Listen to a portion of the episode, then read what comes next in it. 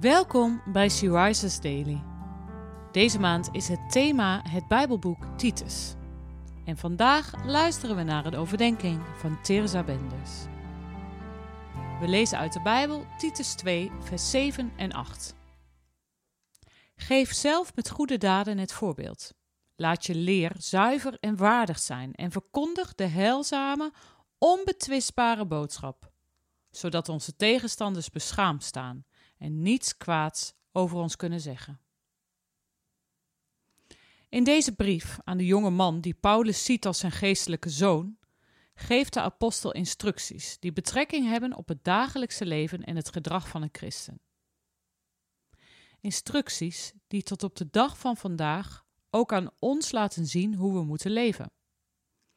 En Paulus legt de lat hoog. Niet met woorden, maar met daden geven we het juiste voorbeeld. Wanneer we Gods woord verkondigen, spreken we niets dan waarheid.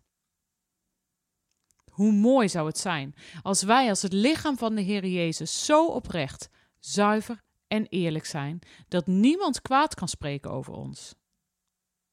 Wat een voorrecht om met onze woorden en daden het licht van de wereld te mogen reflecteren hier op aarde. Maar uit onszelf lukt het niet om zulke onberispelijke voorbeelden van Christus te zijn. Dat vereist het werk van de Heilige Geest elke dag opnieuw. Hij weet wat we nodig hebben, waar we tekortschieten.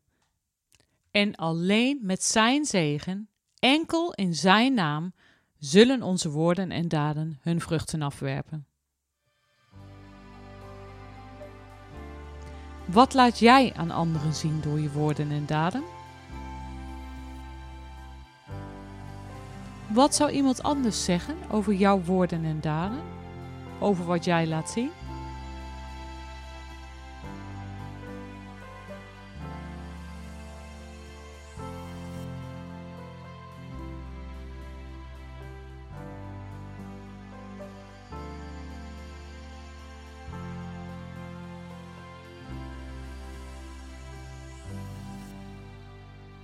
Laten we samen bidden. Heilige Geest, Dank u voor uw hulp en uw aanwezigheid in mijn leven. Dank u dat niets voor u onmogelijk is.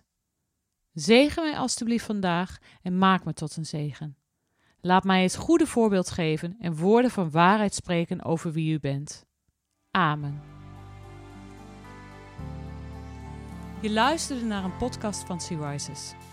Sea Rises is een platform dat vrouwen wil bemoedigen en inspireren in hun relatie met God. Wij zijn ervan overtuigd dat het Gods verlangen is dat alle vrouwen over de hele wereld Hem leren kennen. Kijk op www.she-rises.nl voor meer informatie.